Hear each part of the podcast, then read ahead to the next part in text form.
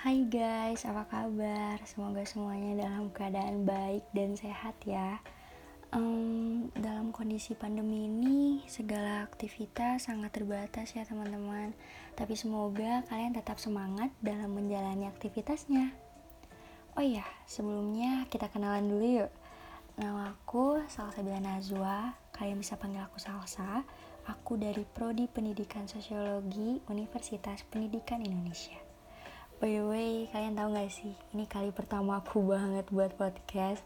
I'm so nervous, tapi gak apa-apa. Semoga apa yang mau aku sampaikan di podcast ini bisa kalian dengerin dan bermanfaat. Oke, okay, pertama aku bakalan bahas tentang kenapa sih kita harus peduli terhadap hutan.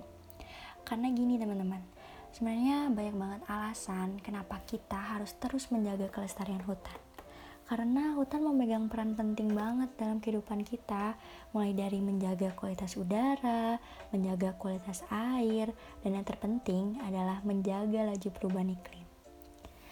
Dan kalian tahu gak sih, kalau dalam kurun 5 tahun terakhir, dari 2016 sampai 2020, bencana kebakaran hutan selalu terjadi di Indonesia dan yang paling parah, tahun 2019 itu menjadi bencana kebakaran hutan terparah dalam lima tahun terakhir.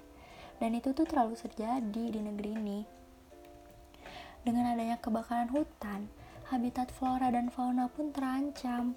Bahkan teman-teman, ada banyak sekali hewan yang ikut hangus terbakar karena tidak sempat menyelamatkan diri saat kebakaran. Jadi Hal ini tuh sangat memprihatinkan mengingat Indonesia kan merupakan negara yang memiliki kekayaan ya teman-teman, apalagi kekayaan flora dan faunanya.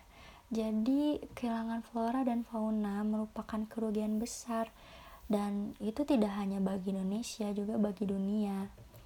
Melihat dampak yang luar biasa, sebenarnya penanganan kebakaran hutan ini perlu dilakukan secara konsisten sehingga tidak terulangi lagi setiap tahunnya. Nah, solusinya adalah dalam rencana jangka panjang, kita perlu penanaman mindset pada generasi muda terkait pentingnya menjaga hutan.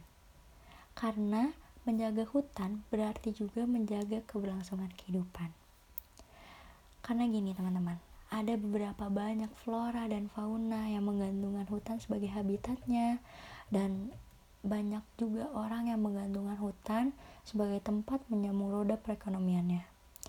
So, kewajiban menjaga hutan itu tidak hanya milik pemerintah, tapi kewajiban kita bersama juga. Karena hutan tidak hanya dimanfaatkan untuk generasi sekarang saja kan, tapi anak cucu kita kelak juga layak memanfaatkan hutan Indonesia. Dan jika hutan terjaga dengan baik, maka kita telah menyelamatkan jutaan kehidupan di luar sana. Hmm, semoga kita semua sekarang bisa lebih aware terhadap lingkungan sekitar termasuk menjaga hutan ya. Dan mungkin segitu dulu aja ya teman-teman. Next kita ngobrol-ngobrol lagi. Makasih banget yang udah dengerin first podcast aku. See you guys. Jangan lupa makan dan minum vitamin. Yang terpenting jangan lupa jaga kesehatan selalu. Ikutin protokol kesehatan oke okay, guys? Bye bye terima kasih